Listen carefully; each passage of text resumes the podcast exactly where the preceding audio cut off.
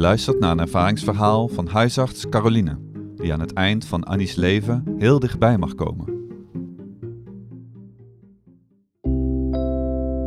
Het is al lang geleden. Ik ben nog niet heel lang huisarts in Wijk en Aalburg. Ik begeleid een van de eerste keren een sterfbed.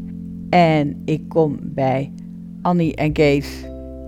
En Annie heeft kort geleden te gekregen dat niet lang meer te leven heeft.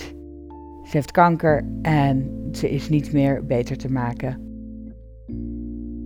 Het is een hele kwetsbare periode in mijn leven. Mijn moeder is niet zo lang geleden doodgegaan en die was net zo oud als Annie.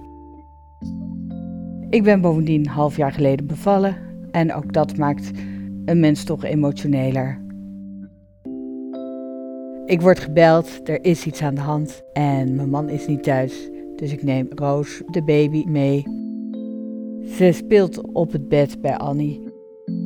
Zij waarderen het dat ik daar zo intiem ben en dat ik ze zo goed leer kennen. En zo is het eigenlijk een heel mooi sterfbed geworden en hebben we elkaar ook geholpen.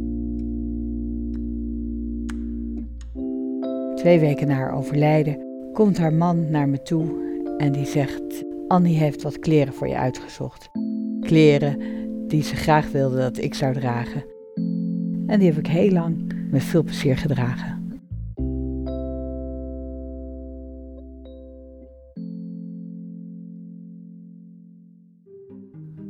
Je luisterde naar een verhaal over liefhebben en loslaten.